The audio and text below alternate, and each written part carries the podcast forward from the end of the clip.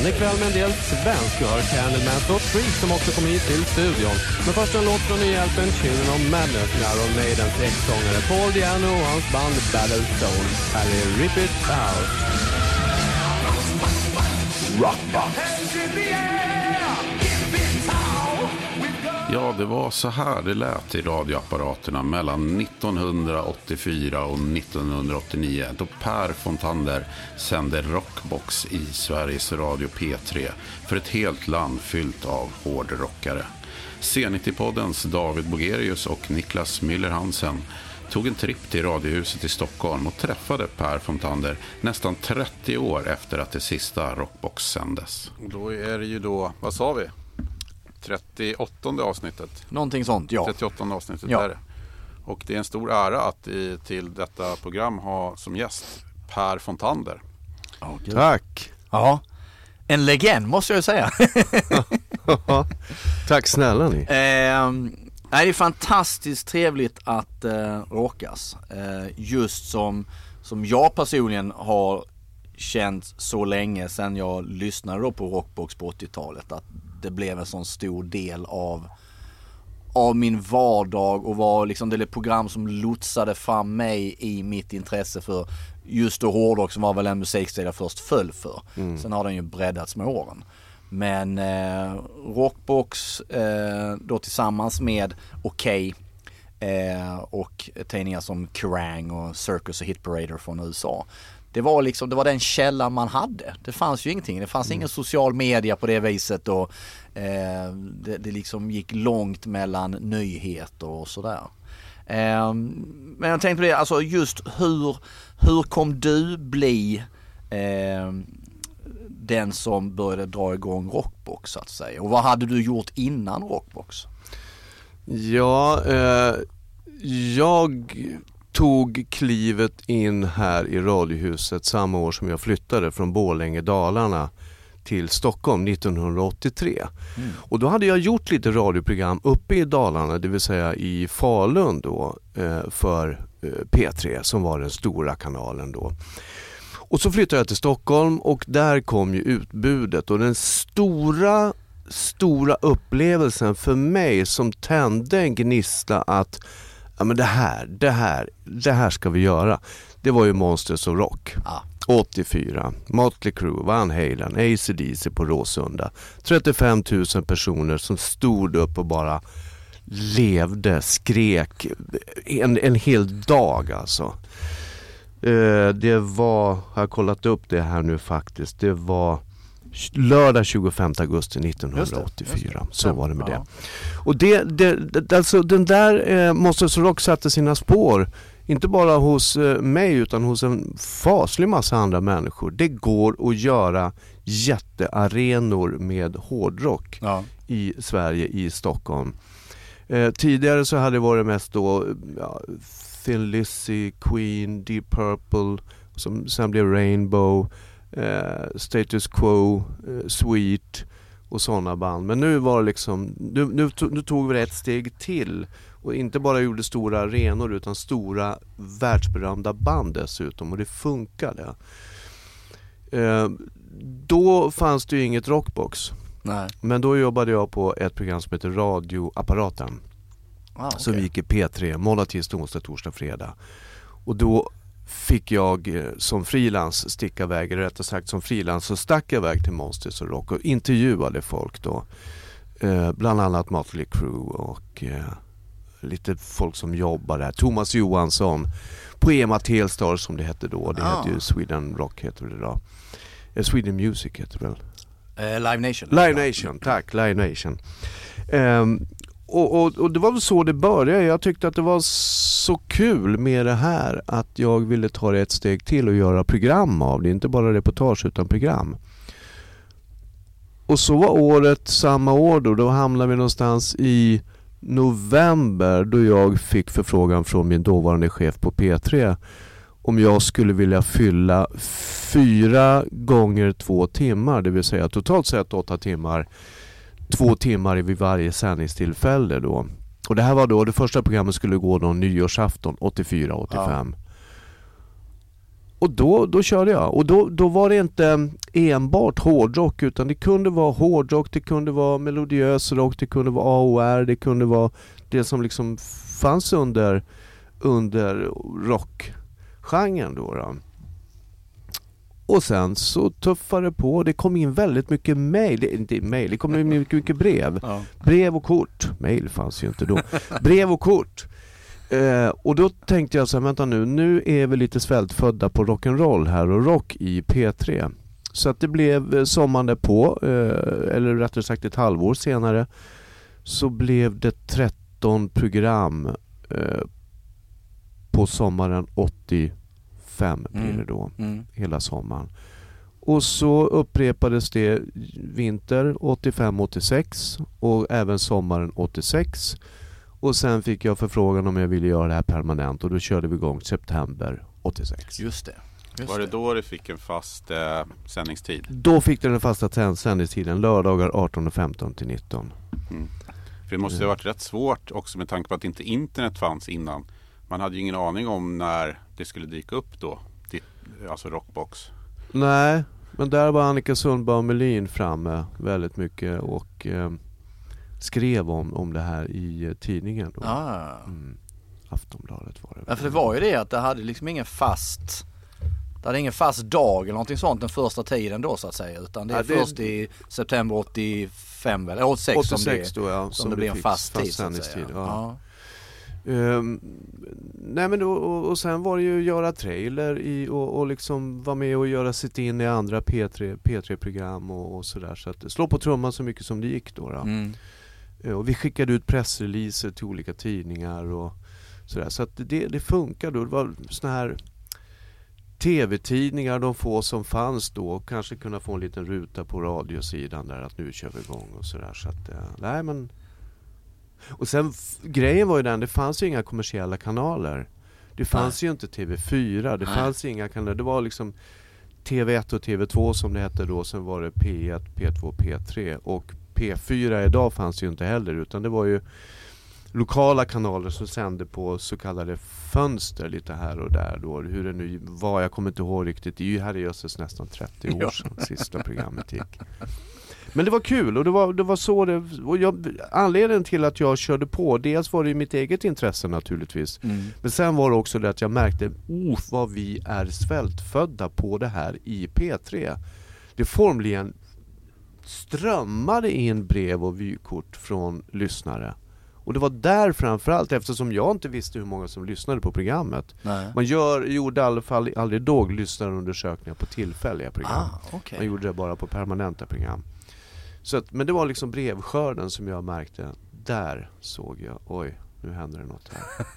Var kul. Coolt. Mm. Men just, just innan det här som med, med Monsters of Rock och så här också, hade du, hade du då också ett, liksom ett genuint hårdrocksintresse, rockintresse som så? Ja, alltså mitt intresse för hårdrock fanns ju naturligtvis tidigare, men intresset för olika genrer inom hårdrocken börjar ju utkristalliseras under 80-talet. Thrash metal, death metal, black metal och så vidare.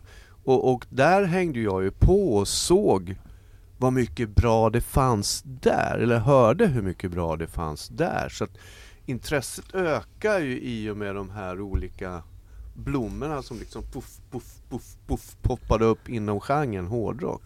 Så egentligen hårdrock sa ju egentligen inte så mycket mer än att det var bara en genre som kunde vara så väldigt mycket bredare än den har varit tidigare. Så, så intresset fanns, ja helt klart. Annars skulle jag inte varit på Monsters och Rock 84. Exakt. Men, men jag tänkte ju också just eh, den här intromusiken också för att eh, nu minns ju inte jag tillbaka, jag, jag, själv började lyssna någon gång då 85 någonstans. Mm. Eh, och eh, sen så minns jag det här, det är ju Captain Nemo, Michael Schenker i någon del av något intro. Eh, var det intro från början eller var- var det någonting som kom sen när det blev mer fast? Eller? Nej, utan eh, det är en eh, signatur. Ja, Signatur och eh, en del kallar det signaturmelodi. Ja. Jag säger inte signaturmelodi eller sa det inte då heller utan intro eller som du säger, som du säger Ja. eller signatur.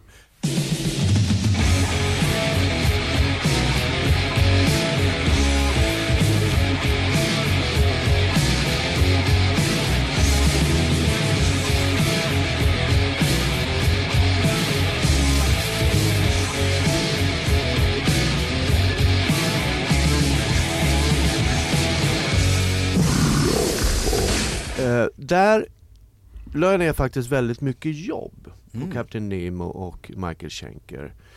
Ehm, därför att en signatur säger, det här är lite psykologi. En signatur ska tala om för lyssnarna vad det handlar om. Den ska locka till lyssning även för de som inte kanske är inne i genren utan kan, de, för människor som inte vet att de är intresserade av hårdrock. Förstår ni hur jag tänker? Mm. De ska in. Och sen ska det vara någonting som är catchy som gör att man, åh nu börjar Och det ska sticka ut från det övriga eh, materialet som spelades då i P3. Det vill säga det ska vara en, en låt som märks och hörs och som väcker intresse och som talar om vad det är för någonting, ungefär vad man kan få. Ehm, och där lyssnade jag i timmar på massa olika låtar innan jag hittade det här sticket just då i Okej. Captain Nemo. Jaha. Så, att, så att så var det med det. Och sen gjorde jag det till en signatur då, då och klippte och fixade lite grann och så. Utan att fråga Michael Schenker. Däremot träffade jag honom några år senare och frågade honom var det okej att, för då hade jag bytt signatur. Ja det var okej sa han och garvade. Det fick du, tack. Mm. Men var det lätt att och, eh, få intervjutider och så med de stora? Ja, det var väldigt lätt att få intervjutider. Mycket med tanke på att det var ju Det var ju okej och sen var det P3 Rockbox då som fick de här intervjuerna. Eh, det var väl nästan så tvärtom så att skivbolagen stod, alltså skivbolagen hörde av sig till mig långt i förväg och skickade pressreleaser och så vidare. Att nu kommer de och de och de till Sverige. Vi hoppas få se dig på intervju där och där den tiden. Eh, idag är det väl kanske lite svårare med tanke på att vi har en väldigt mycket mer kommersiella Mm. kanaler, tv-kanaler. Fler skriver om det också. Det är mer tillåtet att skriva om det. Mm. Det var inte så mycket så eh, på kultursidorna i, i Drakarna då, DN och Svenskan. Nej. Hårdrocken blev väl ganska styvmoderligt behandlad kan Ja. man säga. Verkligen. Mm. Ja. Och där kom ju du också med något helt nytt som liksom tog det på allvar och tog Ja. fansen på allvar. Ja. Och jag fick höra en del från andra människor vilken skit jag höll på med. Nej. Jo, för fan, det är sant. Här sitter jag och svär. Jag, Ja, det tänker, på, bra. jag tänker på de som sa så, det var därför jag, Jaha. jag svor. Ja, nej, alltså det, det, det hände titt som tätt att det var, det var människor i min närhet också. Jag ska inte nämna några namn, men Nej. det var människor i min närhet som sa, vad fan håller du på med? Det där är väl ingen kultur? Det där, är- nej. Klassisk musik ska det vara. Ja, Men jag kan tänka mig att här i huset också fanns en del som rynkar på näsan med tanke på hela det, det här med att musik, med proggrörelsen och Mm. allt det här att eh, musik måste ju vara politiskt och Ja, ha liksom ett samhällsansvar och Ja. allt det där. Det måste ju också ha bidragit till att Ja, folk liksom Och sen var det också en attityd som jag märkte att de som lyssnar på hårdrock, de är lågutbildade, eh, går omkring i jeansjackor med eh, tryck på ryggen, eh, bara lyssnar på hårdrock. Och så fick jag råka veta då av en kär kollega till mig som har jobbat jättemycket med, har många vänner inom operagenren, alltså Ah. operasångare och sångerskor som berättar då att eh, det var ju på den tiden man hade sin skivsamling. Och han berättade då för mig, när jag kommer hem till mina operavänner och bläddrar i deras skivsamling så inte fasen står det operaarior först i, i liksom operaplattor först utan det är hårdrock. Ja. Oftast heavy metal Jaha. i deras skivbackar. Okej. Eh, alltså människor som står på våra operascener runt omkring i Sverige. En Ah. väldigt initierad person som ja, känner och träffar många inom operan. Så det var kul. Ja, Mm. kul. Men, men jag tänker just det då med, med intervjuer. Minns du vilket som kan ha varit liksom en av de liksom första intervjuerna som du gjorde med någon större artist? Ja, en av de första intervjuerna var faktiskt på Monsters of Rock 84. Då träffade jag, det var väldigt kul, då träffade jag bakom scenen så träffade jag Vince Neil och Tommy Lee. Mot, eh, Van Halen de hade varit här på, på eh, intervju, intervjuturné runt omkring i världen så de sa inte ett ord. Okej.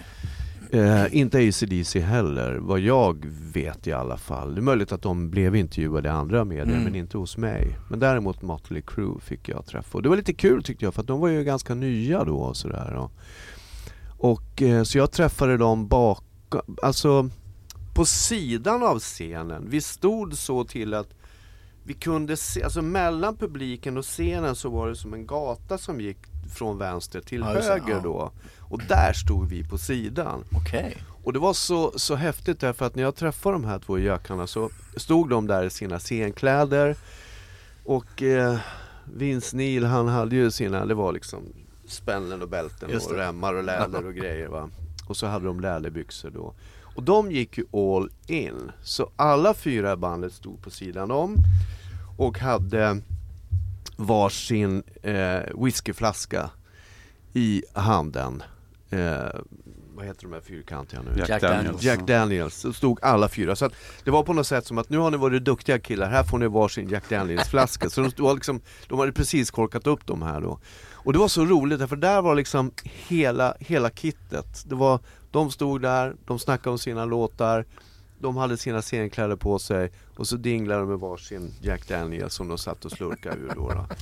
Och han frågade, Vince Neil frågade om jag ville ha lite Jack Daniels och jag sa att nej, eh, jag jobbar.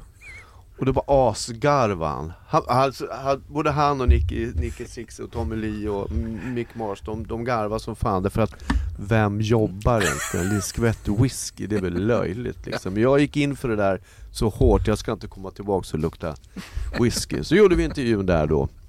Och det var kul och den gick alltså då i P3 dagen därpå. Ja, ja, ja. Eh, nej, på måndagen. Det här var på lördag. På måndagen gick Okej. den då, då, i P3. Okej. Mm. Men hur, så, hur såg du på dem då liksom? Tog, tog du, eh, just när de står där i full, full regalia och sådär. Mm. Kände du ändå att du kunde ta dem på allvar eller liksom hur såg du på dem? Alltså musiken, musi jag gillar ju så väldigt mycket deras musik, så på så sätt så tog jag dem väldigt mycket på allvar. Men jag tyckte att det var på något sätt befriande att jag vet inte hur jag ska förklara det här. De tog sig själva på allvar men samtidigt ändå inte för att de liksom De latchade så mycket va, och sådär så att Vi hade väldigt roligt, vi skrattade väldigt mycket Ja. och sådär och, och de, de, gick in, de gick all in på något sätt så att mm, Jag tog dem nog på allvar men samtidigt så kände jag bara att de går liksom all in för Ja. det här och det var väldigt skönt Ja, att de liksom Ja, de gick all in. Det var rätt kul. För det, för det man har sett i övrigt sådär hur media bevakade just Monsters of Rock. Det ju, verkar det ju mest handla om så här hur många hade blivit gripna för fylleri. Ja, ja, Hur ja. stökigt var det liksom utanför och, och sen ja, var det några rader om liksom att det visst var några rockband som spelade. Ja. Så. Så att, eh, Och det, det, det, var, det var kul för att jag gjorde ett reportage runt omkring. Det var inte, det var liksom, det var, det var Motley Crue. Så gjorde jag en intervju med Thomas Johansson. Mm. Jag gjorde en intervju med en som satt i eh, och, och uh, rev biljetter. Liksom, hur var det här med att kolla fickorna och flaskor och så vidare. Och så gjorde jag en intervju med en kvinna som kom med hund utanför arenan. Okej. Och det gjorde jag, jag gjorde en liten enkät där med människor som, som kom, liksom, man såg att de där bor här, de är ute och rastar hunden. Och så frågade jag den här kvinnan, hon kunde kanske vara 50-årsåldern någonting. Hur har vi haft det idag då? "Nej, vi har ju suttit på balkongen och lyssnat, det här är så kul! Har ni inte blivit störda då? Äsch! Det är första gången det händer, det får vi stå ut med. En eftermiddag liksom, det Ja. spelar väl ingen roll. Nej. Så, att, och så träffade jag någon annan eh, som gick här utan, där utanför och utanför Råsunda. Nej men det var liksom, det var inga problem. Det var kul att man har roligt och Ja. så. Kul att ungdomarna har lite skoj. Så var det mer. Det var jättekul. Självfallet. Så att eh, jag tror, och jag menar Händer det en gång, det, ja, sen var det ju en Monsters Rock till då, Just det. men, men det var ju liksom inte Jag stött, det var bara glada miner tycker Ja, jag. fantastiskt. Ja. Men det tänkte jag också just det här med att ehm, du måste ju fått, det måste ju ha kommit drösvis då med, med, med promoskivor och liknande och så här. Fick du behålla det eller gick så, går sånt direkt in i, liksom, i radions arkiv eller hur fungerar sånt? Nej men det där är lite olika för att Jag fick ju naturligtvis en, en hel del provpressar. Det var ju Ja. vinyl framförallt Ja. då första åren. Då, då. då fick jag provpressar och provpressar är oftast en, då var det i alla fall, en provpress var ibland, det kunde vara en maxi med en eller två låtar på. Så här kommer det att låta på LPn sen. Och ibland så fick jag en provpress med en hel platta. Eh, och då var det oftast ett vitt omslag där det bara stod liksom en etikett att det här är den och den plattan. Då då. Eh, så de fick jag behålla naturligtvis, vi höll ju aldrig på att skicka eftersom plattan kanske kom två veckor senare ut i handeln då. Men däremot så gick jag och rotade i importaffärer i Stockholm. Mm. Eh, vid ett par, par importaffärer som jag besökte. Jag försökte ligga steget före och det var ju liksom min förbannade skyldighet också då som journalist att det här det här är det nya, det här kommer. Eller det kanske var en USA-press som inte skulle komma hit. Med, eller den kanske kom några veckor senare fast då kanske inte just de två låtarna fanns som på svenska utgivningen som det finns på amerikanska utgivningen. Så att jag tittade väldigt mycket på importaffär, gick varje vecka och rotade och där så blev jag väldigt populär därför att jag var tvungen att köpa två ex av varje. Därför att grammofonarkivet hade ett eh, kort som jag fick använda då eller om de skickade någon faktura eller jag kommer inte ihåg hur det var. Skitsamma. De eh, fick sälja två ex till mig av varje platta därför att ett ex ska finnas i som arkivex, det vill säga AX. Och det är det exen får aldrig lånas ut till någon annan. Och det är de exen man använder då eh, när man spelar skivor till kaffet och sånt. Inte för att de spelade mina plattor, men det är AX. Sen så finns det ett, ett lånemagasin där eh, det andra exet finns då, och det finns ju fortfarande så man kan gå ner och titta i grammofonarkivet. Så när ABBA kom ut med eh, ny platta då var det ett AX och kanske tio låne-ex. Det var ju långt innan det var digitalt. Nu har vi ju digitalt så alla kan ju spela vad de vill i princip. Då. Men då var vi tvungna att låna plattorna från grammofonarkivet. Okej. Så, så, så var det med det. Gick det bland annat till den här, äh, hette den Space Records som låg vid Filmstaden? I, precis inne i Nej, stan. jag gick till en importaffär som låg som låg på Sankt Eriksplanssidan vid Sankt Eriksbron. Eh, precis i Sankt Eriksplan eh, så gick du, när du går över bron, Sankt Eriksbron, så var det en trappa ner under bron. Där låg en butik. Ja, just det. Jaha. Ja, Det var ju den, det, det fanns ju en butik där det Diamond. finns Diamond Records? Diamond, ja så heter det va? Okej. Ja. Så vi, det Jaha. gick ner i de här liksom lite murriga kvarteren Ja, under det. bron där. Där fanns en butik och de låg ju först. De, Okej. de, de var väldigt bra att ha att göra med. För en sak jag tänkte på just Diamond Shave också. För eh, första gången jag hör Stick to your guns, Mötley Mm. Crues Mm. singel, Mm. eh, är ju på Rockbox. Mm. Och sen några veckor senare spelar du B-sidan Toast of the Town. Mm. Det är ju första gången jag hör det och menar på den tiden, redan då, var det ju en väldigt svår singel. Och Ja. gick du på skivmässor så gick ju den för, alltså på den tiden gick ju den för liksom 500, 600, 700 spänn. Ja. Svindyr. Vem, vem fasen hade du fixat in den eller vem fasen hade kommit över den? Nu ska jag berätta en hemlighet. Den fick jag låna med lyssnare. Oh. Ja. Det var en lyssnare som hörde av sig. Jag har den singeln. Vill du spela den i radion? Yes! Det vill jag, för den fanns inte i grammofonarkivet. Så han kom hit och lämnade den i receptionen som finns här utanför. Och så fick jag låna den. Och så fick väl han, eh, för det var en han, han fick väl lite dekaler och någon tröja, kanske två tröjor som tack för lånet och så vidare. Eh, och jag tror att jag nämnde hans namn också i programmet, det kanske jag inte gjorde men Ah, ja, ja. men det var lyssnare. Sådana var lyssnarna. Så, Ja. så godhjärtade och så härliga och sådär. Men eh, jag tänkte på, blev du igenkänd? För att jag kommer ihåg att man såg ju väldigt sällan, jag tror inte ens jag såg någonsin någon bild på dig. Nej, och det där har väl varit lite grann av mitt signum också. Att jag har jag vet inte, alltså jag har aldrig haft ett, jag har haft ett behov av att uttrycka mig, av att meddela, alltså att berätta och så. Jag älskar att berätta saker. Men jag har inget behov av att synas på stan som den som är den som berättar. Jag har inget behov av det. Nej. Jag har inget behov av att skriva mitt namn på ett papper och liksom och, och det är inte så att jag, jag eh, nedvärderar de som har det behovet, som är lite mer av exhibitionister. Det är fine, det får de gärna vara. Men jag har aldrig haft det behovet och jag, just därför så tyckte jag att det var det var väl en av anledningarna till att jag började jobba på radion för jag tyckte det var så kul att, att liksom få vara den som att berättelsen och det jag säger står i centrum, inte jag som person. Och så har det alltid varit så. Mm. Men också tänker jag, nu, nu, jag satt och kollade här nu då, då och det var ju massor intervjuer, det var ju alla de stora. Eh, allt från Rob Halford till Tom Araya till David Coverdale, Cooper, Ace Frehley, Mm. eh, Lars Ulrik 87 och sen någon gång till i samband med eh, Justice for All och sådär. Eh, om du tittar tillbaka på alla dessa intervjuer, är det någon som du känner står ut som var roligare än någon annan? Någon som var någon, någon av dessa artister som var mer butter än någon annan eller någonting sånt där, mer svår än någon annan? Och... En, en liten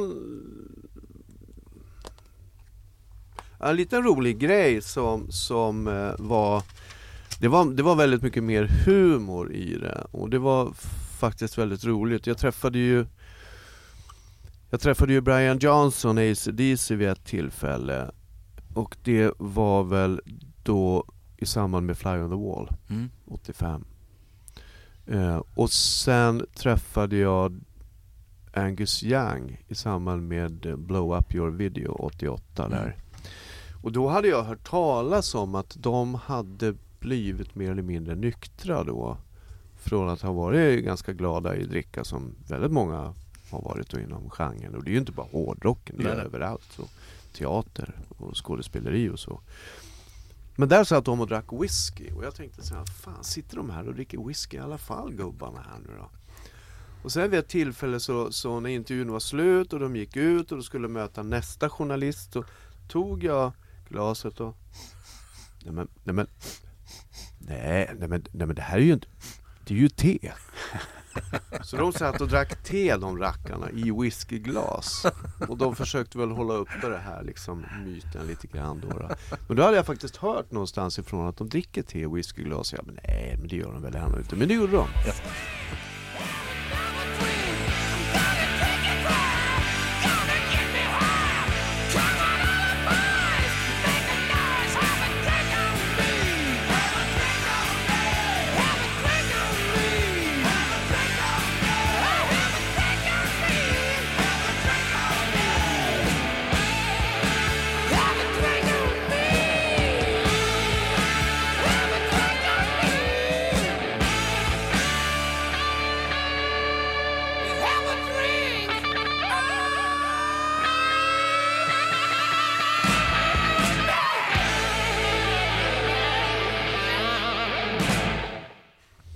Så det är en sån här liten rolig grej då. då.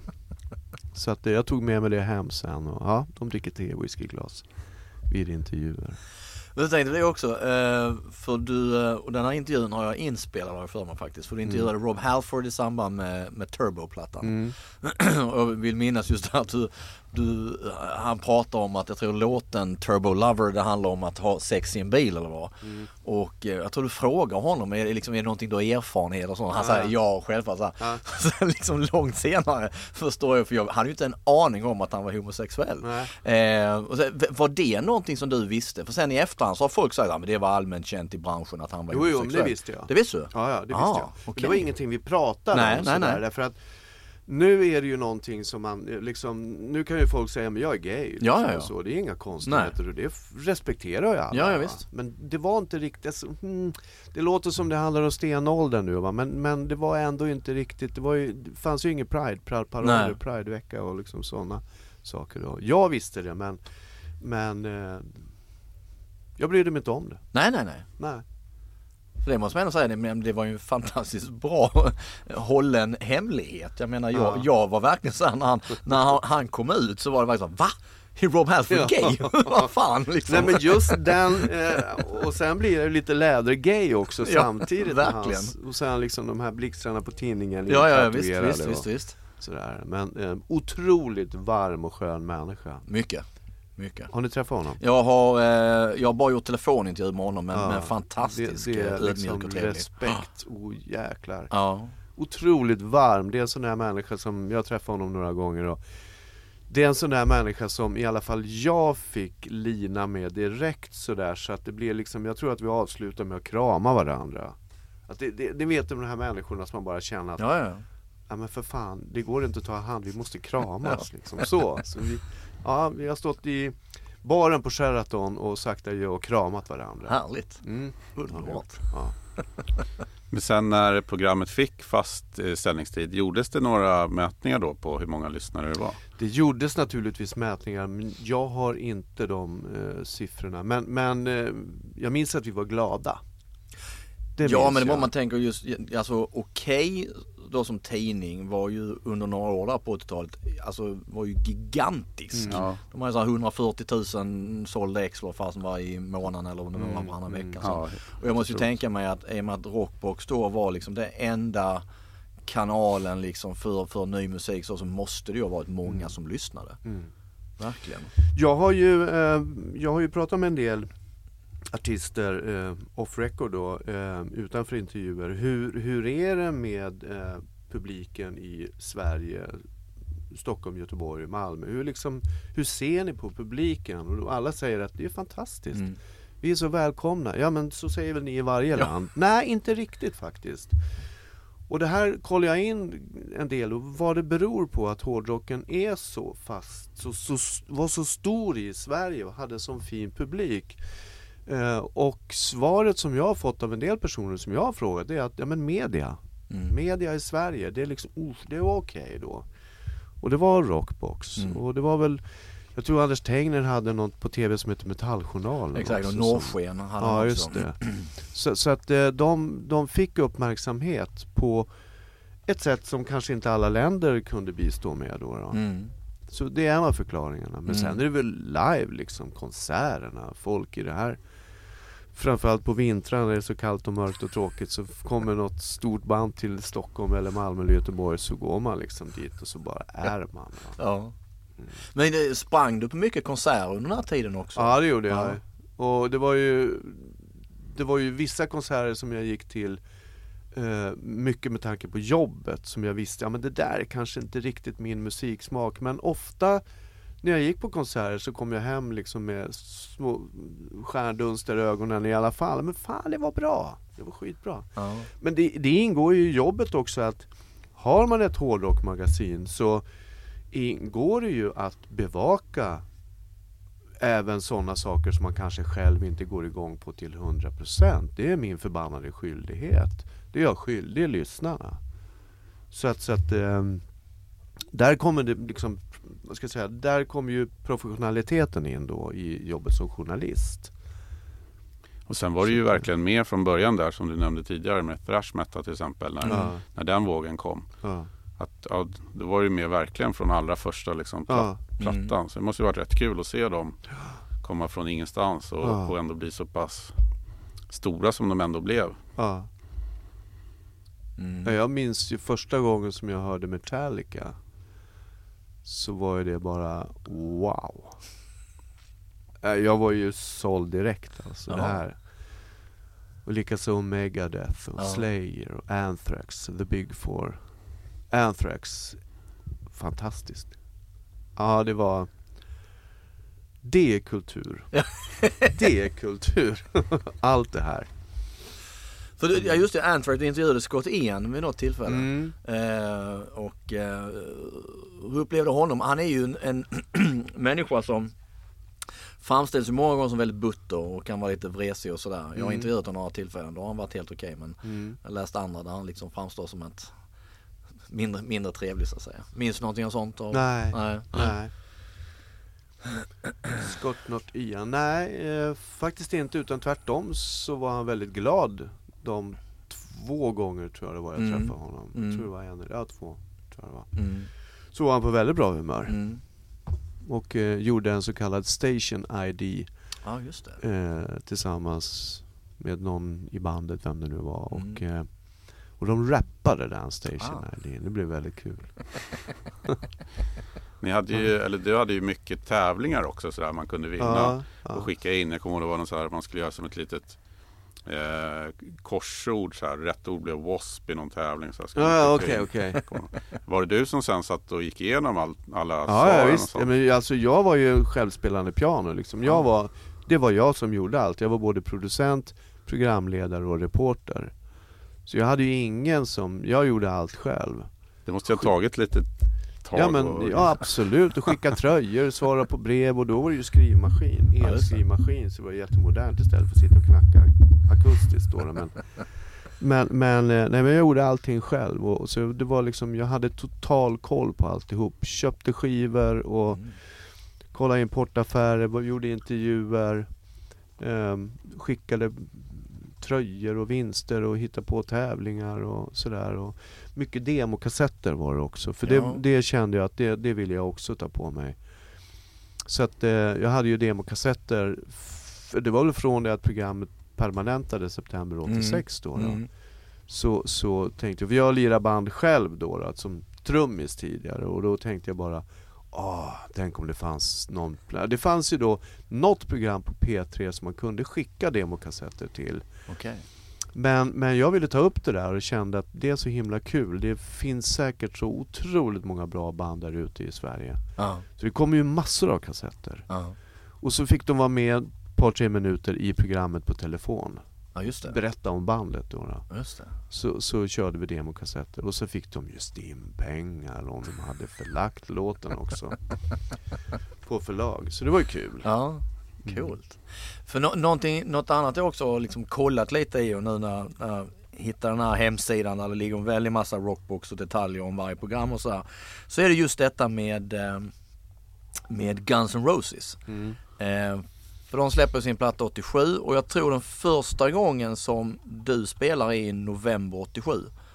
Då du spelar Welcome to Jungle, den står nämnd som en önskelåt. Ah. Eh, och sen så, eh, sen kommer det så här, sen har du någon sån här Best of, eh, typ i januari 88, de bästa skivorna. Eh, Guns N' Roses nämns inte. Eh, och sen så börjar du, sen spelar de igen 88, augusti, eh, du spelar de oktober 88, My Michelle. Och sen är den i januari 89. Då är Appetite for Destruction månadens LP. Och det är ju också så intressant det här för att när man tittar tillbaka, många tittar tillbaka på Guns N' Roses som sen blev detta enormt stora band. Men så var det ju faktiskt så, vilket man glömmer bort, att om plattan släpps 87 så är det ju faktiskt nästan ett, ett år innan den, den slår på stort. Eh, med Sweet Child of Mine och sådär. Så det tog ju lite tid och det är, liksom, det är jätteintressant för det stämmer ganska bra. Ja. Eh, så som det faktiskt var i verkligheten. Att Ja. eh, först gör den liksom inte så mycket väsen av sig. Please,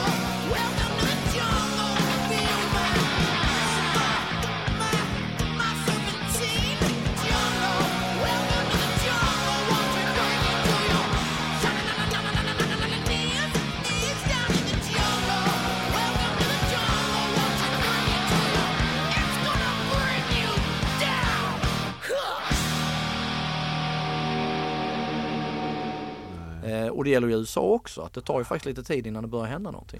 Jag vet inte vad det var riktigt. Så din, du undrar varför jag inte spelade dem tidigare? Ja nej det var väl det men jag, alltså samtidigt förstår jag ju varför det inte spelas Ja, tidigare, men för jag, att jag det- kommer inte ihåg det där. Nej. Och de var ju här och lirade vid ett tillfälle. Eller Ja men de det var inte här från eh, 90, är det 90 eller 91? Ja, men det var väl... Ja, något sånt ja, Ja, Mm. Use Your Illusion, det är första gången det var de är i väl då... Sverige. s- Ja, de kom in väldigt sent på scenen Ja, tror jag. ja. Väldigt sent. Ja. Ja. Eh, jag kommer inte ihåg hur det var faktiskt. Där. De skulle väl ha kommit som förband va? De till- skulle varit förband till Mötley Crüe eh, och det fanns redan, det finns, går att hitta på nätet också för jag tror vi Mm. hade vår podd om något Ja, Ja. till och med tryckt annons ja. Ett tryckt annons där det står Mötley Crüe och så är det förband Guns N' Roses och då skulle Mm. de kommit 88 tror jag. Eller om det är 87 redan. ja de skyllde Ja. på, eller Mötley- skyllde på Tjernobyl va? Nej de skyller på att det var så mycket snö på taken så deras utrustning vägde för mycket. Eh, Men det var då alla i bandet hade åkt in på rehab. Men då var ju Guns N' Roses tänkta som förband så att säga. Mm. Men du har inget minne av att det var någon gång något, något, eh, att du försökte få till en intervju med dem eller någonting sånt där? Nej, för när de var här, då var jag utomlands. Ja. Och Rockbox var dessutom inte... Nej, Eh, annars hade jag, men jag jobbar ju med ett, ett annat musikprogram som heter Inferno efter Rockbox. Just det. Eh, så där hade de ju fått, fått plats. Ja. Men jag var inte hemma i Sverige Nej. då. Eh, men Axl Rose fick de ju leta efter. Ja. Jag vet inte om ni känner igen historien? Jo det är väl då han är ju...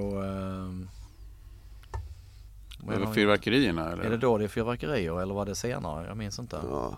Mm. Någonting ja, sånt. Ja, okej. Fyrverkerier var det kanske. Fast inte på riktigt utan Nej. kanske i, i hans huvud Ja. i sådana fall.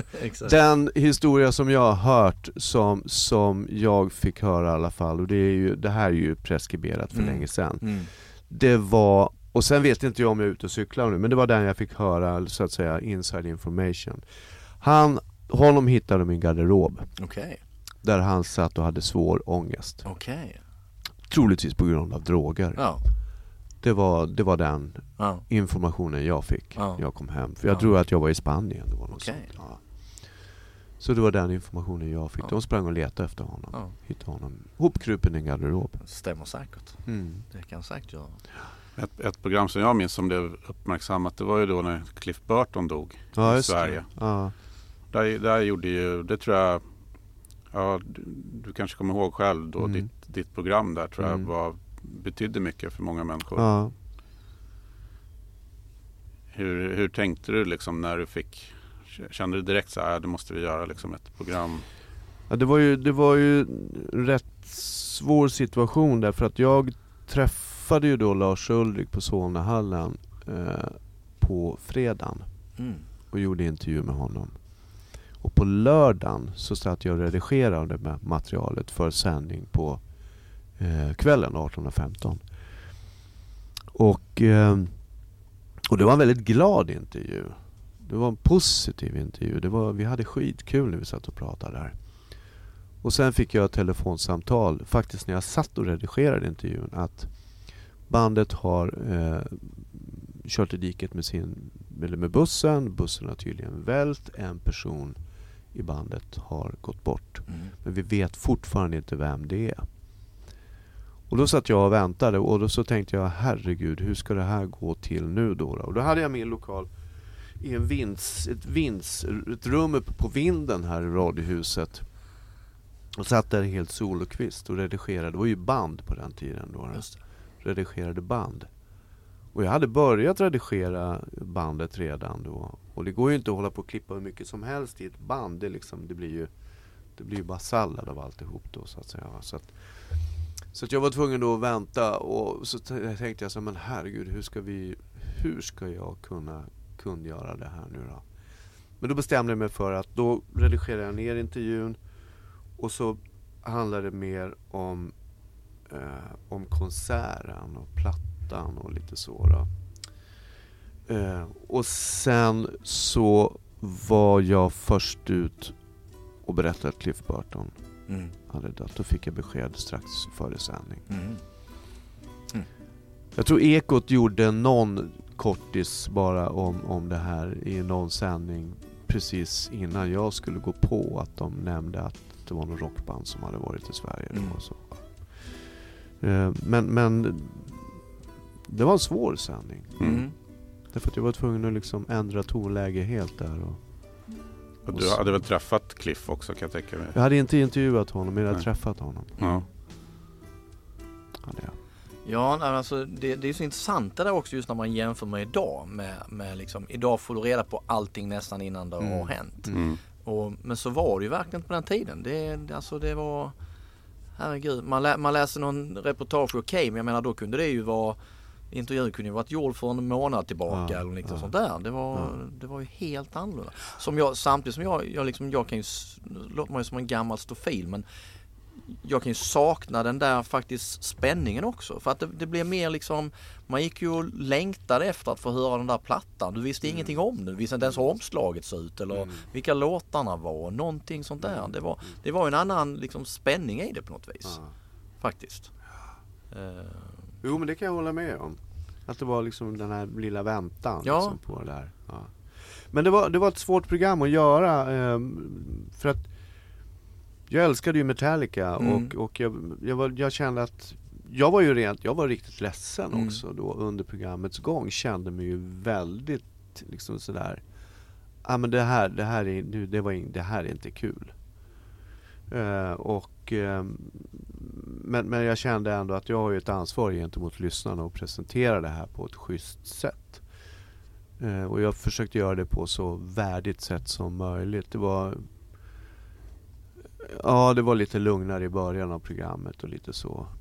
Ehm, och sen var det ju efter signaturen så pratar jag helt rent. I vanliga fall så brukar jag prata på något smaskigt intro där och liksom få fart i programmet direkt. Men vad jag minns det var att jag gjorde liksom en en tyst lucka i början där då jag Mm. berättade vad som hade hänt och så. Och jag, det, det kom ju mycket brev och kort sen efteråt. Våra lyssnare, eller mina lyssnare berättade att de hade börjat gråta under Mm. programmets gång där. För att Cliff Burton och de övriga killarna i bandet också var ju så älskade av Mm. alla. Mm. Och Metallica har ju alltid varit det här bandet som de ställer upp, de står på publikens sida liksom. De Mm. är de är de schyssta killarna, aldrig varit diviga eller något sånt. På den tiden brukade de väl komma ut efter spelningarna och Ja, skjuta fram ja. bord och så satt de och signerade Ja. allt De tills kom ut och alla tog varandra i händerna och bugade och morsade på och sådär. Och de, de gånger som jag träffade dem så var de väldigt noga med att skriva autografer och Ja. sådär. Så de har alltid varit schyssta. Så att, så att Cliff Burton, det, det kändes. Det hade känts vilket band det än hade Ja. varit. Men på något sätt så var Metallica en del av oss. Mm. Mm. På ett sätt som kanske inte andra band var. Utan det var liksom lite mer avståndstagande då. Men då Cliff Burton och alla var ju Men hur upplevde du... familjen, Ja liksom. absolut. Mm. Eh, hur upplevde du Lars? Alltså han, det, jag har aldrig träffat människor men han, han framstår som en enormt driven människa. Lars Ulrik, Ja. han, han är driven. Han har, han tillsammans med James, alltså det var han och James Hetfield som Ja. startade bandet va. Eh, och de två är ju så vitt jag förstår liksom de mest drivande i bandet. De har skrivit det mesta materialet och så. Lars är väl som jag uppfattar det lite grann farsan i bandet. Det är han som håller reda på de övriga. Liksom, Nej men nu är vi så här, nu är vi så här. Och jag har aldrig sett honom påverka till Nej. exempel. Även om han har suttit och smuttat på ett glas vin kanske under någon intervju och så. Men jag har aldrig sett honom påverka då. Han har alltid varit rek och han har alltid varit korrekt. Korrekt är nog rätta ordet utan att det blir tråkigt. Ja, ja. Utan korrekt liksom så här, mm, ja. Ja, väldigt bra. Men var det vanligt annars att artister som du skulle prata med var påverkade? Nej, jag har väl bara... Nej. Det, det har jag nog inte stött på. Oftast så gjorde jag intervjuer i samband med att skivbolaget bjöd in. Och då var det ju så att det kunde vara en fredag klockan eh, två på eh, Sheraton eller Grand eller så. Nu har jag glömt att sätta... Nu är jag oproffsig här. ja det, det Nu har jag glömt att sätta min telefon på ljudlöst. Så. Eh, Så att det var i samband med, med skivbolaget och då skivbolaget var ju väldigt mycket deras arbetsgivare. Mm. Så att då har väl de, det, det, nej det hände faktiskt aldrig att någon, någon eh, var berusad. Däremot så kan jag säga att jag har ju träffat väldigt många artister inom hårdrock och pop och disco och, och så vidare. Många olika genrer. Och jag kan nog säga att de mest proffsiga har varit just inom hårdrocken. Mm. Eh, det känns att väldigt många av dem har ju fått kämpa och jobba och slita så att det finns någon form av ödmjukhet i deras sätt att vara. Alice Cooper till exempel var ju en, också en sån här fantastisk artist som man bara ville krama efteråt. Därför att, och så otroligt proffsig. Han har ju då haft enorma alkoholproblem. Men när jag träffade honom så var han ju torr och ren då. då. Men, men alla de här artisterna som jag har träffat, de har ju, de flesta har jag träffat i samband med skivbolaget. Och det har ofta varit dagtid. Några intervjuer kvällstid efter showen och så vidare. Men det är ingenting man önskar därför att det står ju folk utanför och Mm. Tjejer står där och väntar på att få träffa de stora artisterna och sånt. Och, nej, så att det, har- det har skötts väldigt, väldigt snyggt. Men, men jag kan återigen säga det att väldigt många av de artister som jag har träffat har varit otroligt måna om publiken. Ja. Jag kommer, du, du gjorde ju något, eh, du hade något program där Jakob Dahlin var med och gjorde någon, liksom någon, någon eh, Sovjetspecial Ja. eh, med, med rysk musik så Ja, just det. Var, var det din idé eller var det Jakob som letade upp dig och sa Nej, det var min idé. Och det var, jag har faktiskt skrivit ut här, jag har glömt bort det men, men eh, vi kan ju kanske komma till det lite senare. Jo, här! Mm, Hårdrockscenen i Sovjetunionen. Det. det. var september 89, nej det var 88, december 88. Då var Jakob Dahlin, vi satt i samma korridor och jobbade. Och, eh, och vi, vi, hade, vi pratade nästan aldrig med varandra utan det var liksom bara hej hej när vi möttes då. Och så. Och eh, han satt ofta på sitt rum med stängd dörr och han höll ju på med sin, sina program, Ja. några Galaxen och det där. Eh, men sen så, så var det vid något tillfälle som han hade varit i dåvarande Sovjetunionen och kom hem och så sa han det att Du jag lyssnar, jag har lite Kom med in på mitt rum så får du höra. Så hade han en LP-skiva. Kommer inte ihåg vad de hette nu, bandet. Är det någon som kommer ihåg det? Det fanns ett Gorky Park som var... Gorky Park var det ja. nog ja. Och då så, så, så även han tyckte att det var jäkligt bra. Och jag blev så förvånad. Vänta nu Jakob, gillar du det här? Ja men det är ju skitbra. Så att, så att då- återigen, kultur. Ja. Mm. Eh, och, eh, och då sa jag det, för fan Jakob, kan inte du vara med liksom och berätta lite mer om hårdrockscenen i Sovjetunionen och sådär. Får man spela hårdrock i Sovjetunionen som var så kontrollerat? Ja. Och så. så han var med i programmet där och berättade. Ja. Och det var jätteskoj. Så där blev vi polare då. så Jakob Dahlin, ja, han var så fin och, Ja. och eh, kom och ställde upp där. Och jag, det var väl den sista person som jag trodde skulle vara med i Rockbox. ja, exakt. Jakob Dahlin, han kom. Han var med. Ja, det är fantastiskt Mm. underbart. Det var något mer. Rockbox sändes från 1984 då till 89 va? Ja, december 89. Ja. Vilka, är det något, var det något mer program förutom Cliff Burton där och Dahlin som fick mycket reaktioner? Nej, det hände ju hela tiden roliga saker. Men det här med ACDC, det var, ju, det var ju en sån grej som jag tyckte var bara väldigt rolig, lite putslustig så. Ja. Och intervjun med Cliff, eller med, eh, med eh, eh, Lars Ulrik var ju också en sån grej som var raka motpolen då, att det var ett väldigt tungt besked. Ja. Eh, Men då när eh, det sista programmet sändes då, mm. eh, kände du själv då att, att det var dags, att det hade haft sin tid eller hur var Nej. det? Nej. Nej.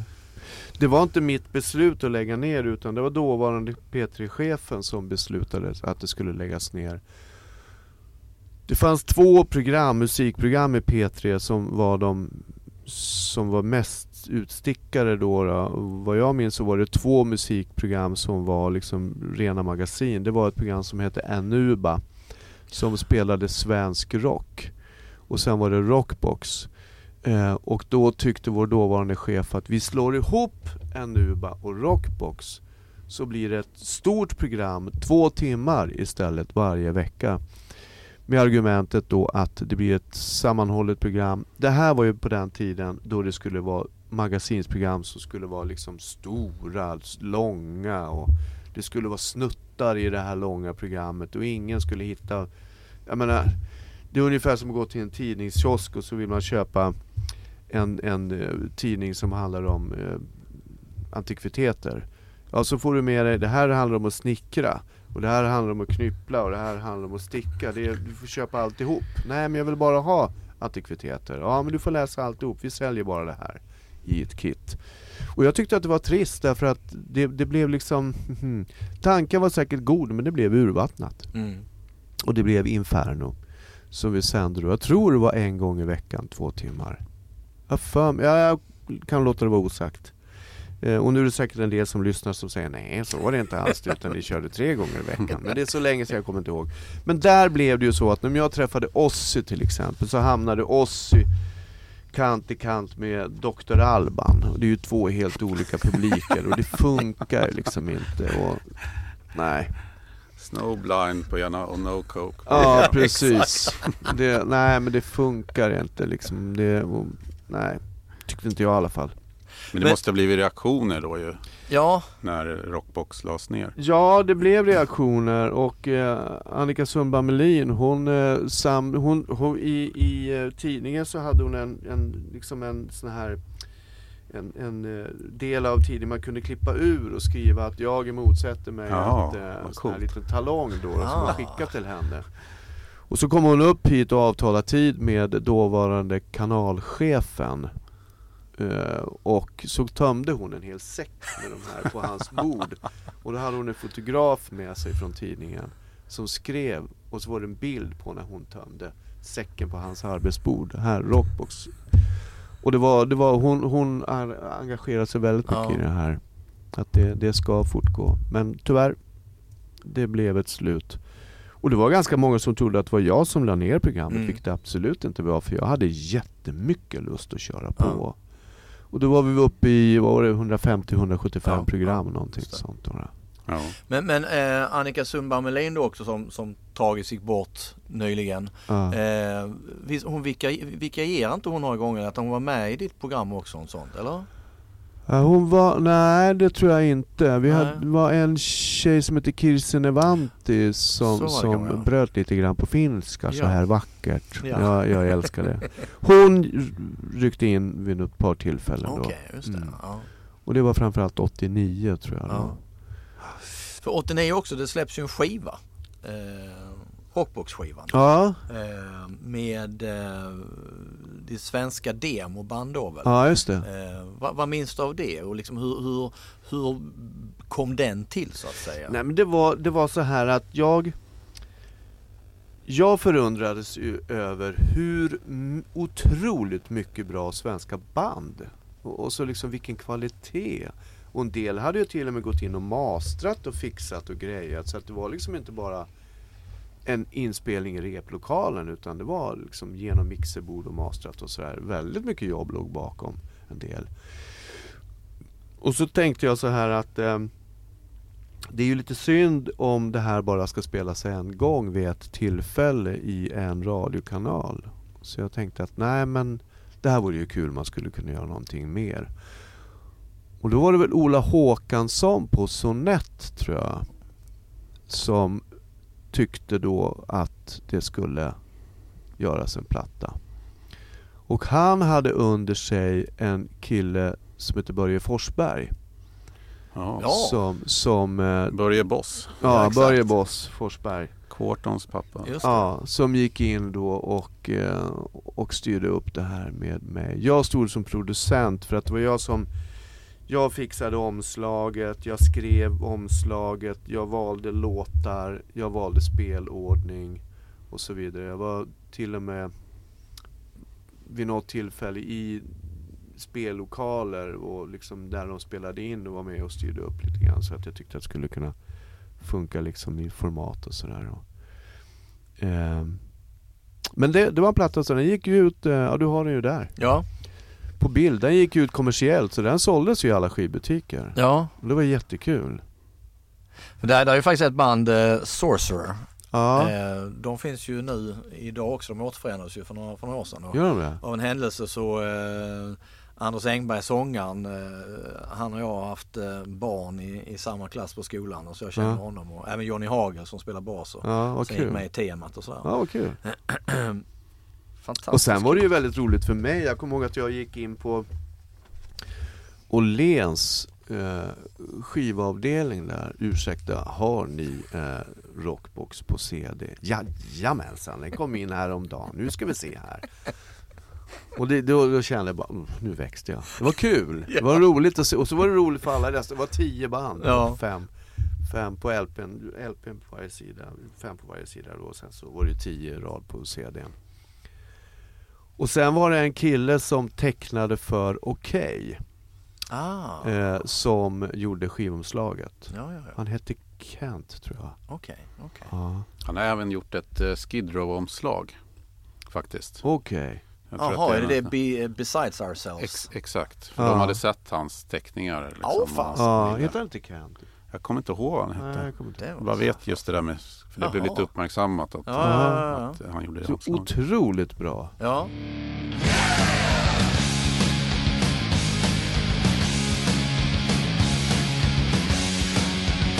Psychotherapy,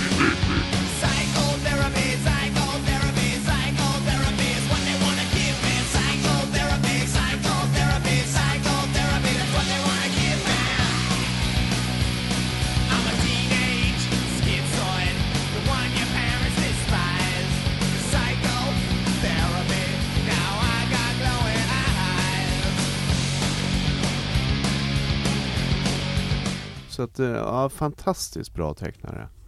Men det är ju också i, och med att vi eh, nämnde nu Corton, eh, pappa, så att vi intervjuade ju Corton också. Ja. Ska vara någon en gång maj 87 Ja. tror jag. Vad minns du från det? det var, för mig var det ett sånt band som jag inte förstod. Nej. Jag förstod inte Bathory det här på den tiden. Liksom. Det var, jag var för eh, eh, ung och... Nej men den, den intervjun spelades in. De flesta intervjuer spelades in. Eh, Det var inte många som jag gjorde i direktsändning. Nej. Och det är av den anledningen att när man har 45 minuter eh, och vi har en, det här, nu är vi inne på radioproduktion här. Vi har en början, vi har ett slut. Det här ska finnas med inom ramen. Eh, så blir det så att man måste hålla en tid Mm. för att och är det så att man sträcker på tiden för ena grejen då måste man minska tiden för den andra saken och så vidare. Men om man går in då och kör ett 45 minuter långt program eller kort program, jag tyckte det var alldeles för kort, så, så gäller det att man håller formatet. Och då kan det vara bra att förinspela så att det inte blir sex minuter när Ja. det i själva verket ska vara tre minuter så måste vi inom ramen för direktsändningen bumpa om liksom Ja. och ta bort då och sådär. Så att, så, så, och, och det var mitt sätt att ta ut det bästa ur en intervju. Eh, Så, så vad jag minns från Quarton. Ehm, han kom ju då till Radiohuset här och vi spelade in och vad jag minns så var det eh, han var lite tillbakadragen. Okay. Eh, inte någon pratgubbe på något sätt och liksom väldigt vanlig. Det var ingen som jag hade vänt mig om på stan efter och tittat, usch han ser konstig här mot, det är death metal eller black metal Mm. som det heter då. Mhm. Eh, utan jeans, T-tröja, jeansjacka vad jag minns. Mm. Väldigt laid back. Liksom. Uppskattade du den musiken? Att du liksom tyckte det var... Jag, jag kände att det var nog lite för mycket för mig. Mm. Men, men samtidigt, även där så kände jag kultur. Absolut. Eh, och, eh, och jag ville inte bortse från den genren med tanke på alla lyssnare som, så liksom återigen, det var det, var det där tänket att eh, nej men bara för att jag inte tände på det här i 180, för jag tyckte det var kul också att det var det var kul, det var Mm. roligt liksom, det, det hände mycket och så.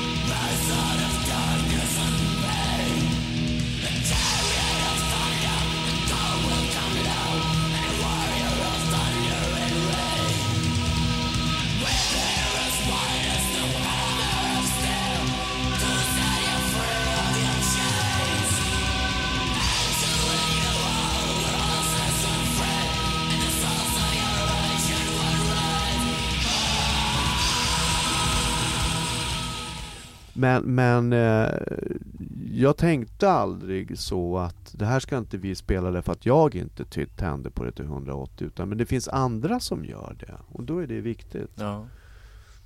Men också, för du, du spelar ju W.A.S.P. eh, I Fuck Like a Beast. Ja, Blev det något liksom, nej. man tänker här denna, denna boning, radio, Nej. blev det något liv om det? Det blev Nej. inte, nej. Men det var ingen som lyssnade på programmet som jobbar här.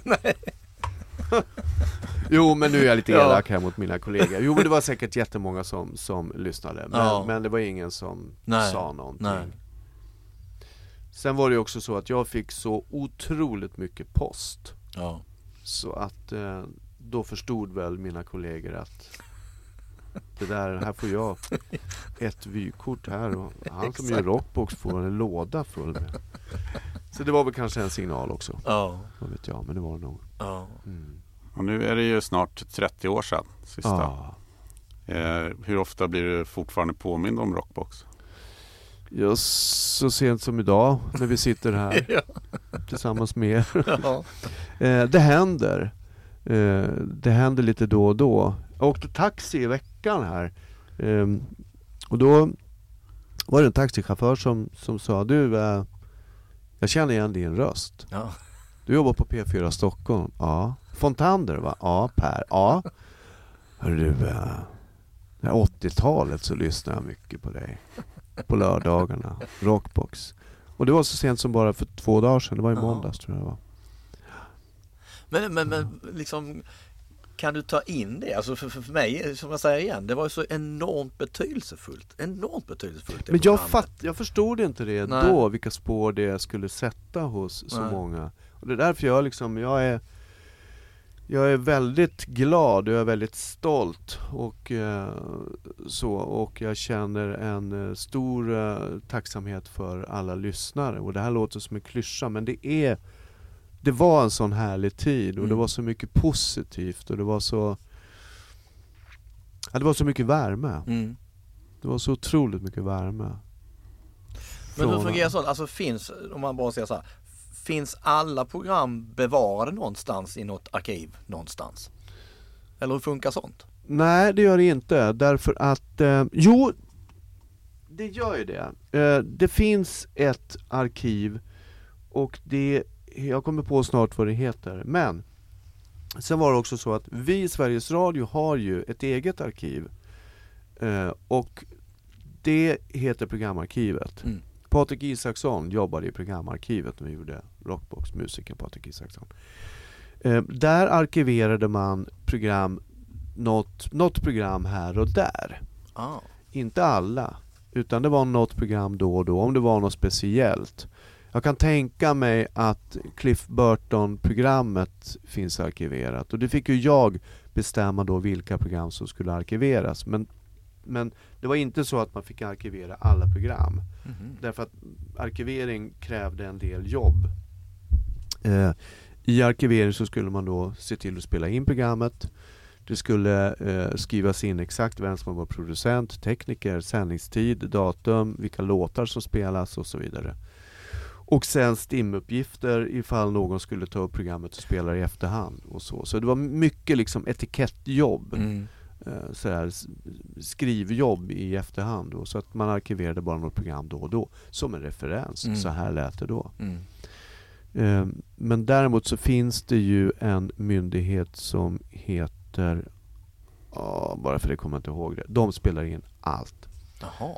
Alla tv-program, alla radioprogram, allting och så vidare. Som, så att det finns. Ungefär som i, i, i på KB, Kungliga det, med alla biblioteket, tidningar alla och- så. och så, så det. finns allt. Ah. Det, där finns ju allt, porrtidningar, reklam, tutti, allt Mm, finns mm. i text där. Mm. Mm. Men också på den här tiden så att säga med, med eh, eh, var det så också, alltså eh, köpte du exempelvis utländska tidningar, Kerrang och, och såna här Ja, grejer? jag prenumererar för, på Kerrang. Det? Ja, jag, Ja, hade den, jag prenumererade Kerrang, på Kerrang. ja, Sen satt jag och läste då. ja. På lunchen, gick iväg och käkade lunchen och så satt jag och läste Kerrang. Ja, Det var kul och sen var det okej, okej var bra. Ja, gud Jag ja. hade jättemycket bra initierade artiklar och liksom och så, så att eh, jag läste okej och Kerrang. Och sen lyssnade jag, läste jag en tidning som hette Showtime som jag skrev Ah, lite grann mm. för som sen blev mus, music, eller musik för media. Okej. Music för media heter den sen tror jag. Vad var det mer? Det var väl någon mer hårdrocktidning också från USA tror jag som jag... det, I USA var det ju Hit Parader, Circus, fanns en som hette Faces som jag föll för som var väldigt så okej, amerikansk och, och Ja. mycket snygga bilder så. Men Kerrang hade jag som prenumeration på. Ja, det var ju en bibel då. På den ja, ja precis det var det Men jag tänker just för att, eh, för ett av, som jag sa förra intervjun att eh, ett av mina starka minnen var när du spelade eh, Icon, ett, ett band från Arizona. Mm. Det är deras andra platta, Night of the Crime. Du spelar Mm. Raise the Hammer och jag blir liksom bara wow, det här är liksom Wow. så jäkla bra. Ja, ja. Eh, och då kände jag ändå att, ja fasen jag läste Kerrang och sådär men jag hade ju liksom noll koll på Icon. Mm. Eh, minns du liksom då att kan det varit sånt att du snappade upp att du såg någon tidning eller var det, var det att du fick skivan skickad till dig? Eller liksom? Det tror jag var från någon importaffär. Ja okej, ja. Tror jag för mig att det kunde varit någon import ja. som, som, som kom. Alltså de, det var kul därför att de importaffärer jag gick till så var det ju alltid någon på den här eh, importaffären som vi pratade om tidigare då, Mm. under bron, Sankt Eriksbron där, så var det ju någon kille där som bara älskade hårdrock. Så han kom ju, när han såg mig komma så bara, det här ska du lyssna på. Det här ska du ha, så. Så att ja, det var ju till stor hjälp att jag låg steget före då. Så att när, ibland när jag fick provpressar från våra svenska skivbolag så hade det redan gått i Rockbox för ett par veckor Ja, sedan. Så kunde det bla- vara då. Ja. Så att... Eh, alltså Icon var, det kan jag nog säga att det var nog en importaffär Ja. som jag Ja. köpte det på. Fortfarande en platta jag lyssnar på. Ja. Faktiskt en av 80-talets snyggaste omslag. Mm. Ja, jag kan se det framför mig. Krossad spegelaktig med Mm. tjej med pistol och så står Ja. det Icon Night of the Ja. Crime. Liksom. Det är, oj, oj. Men sen var det ju kul när Queensryche kom till exempel. Operation Mindcrime. Mindcrime. Ja. När den kom så blev jag ju helt såld alltså. Och eh, så otroligt bra så att, och det var på LP. Så att eh, då eh, spelade jag faktiskt hela, hela första sidan. ja, just det. Gjorde jag. Och det var 88. Ja, Mm. ja. Operation Mindcrime. Då hade jag lyssnat på Queensrÿche tidigare. De kom ju med The Warning först och sen Rage for, Rage for Order. Rage for Order, ja. exakt. 86. Eh, och sen kom Operation Mindcrime Mm. då. Och jag hade tyckt att Queensrÿche var sådär liksom. Ja, men sen då, när Operation kom, det var bara wow. Jag kunde inte låta bli. Och i och med att det är en temaplatta Ja, så visst. att säga, så tänkte jag att vi kör första sidan. Och det var kul. Det var, det var lite, lite annat grepp också på det. Fantastiskt coolt. Eh, jag var också, du, du träffade ju Kiss-medlemmar också. Du träffade Gene Simmons och, Ja, och Paul Stanley Paul och Stanley. där. Ja. Vad för minnen av dem liksom? Det... De bara pratar om svenska tjejer hela tiden. Jag gillar din rumpa. Exakt, Gene Simmons Ja. klassiker. Mm. Ja. Nej men de var, de var, alltså när jag träffade dem vid ett par tillfällen så var det väldigt, där kan man snacka om korrekt alltså. Okej, ja. Det var absolut ingen öl, inga Nej. vinglas, ingen röka, ingenting.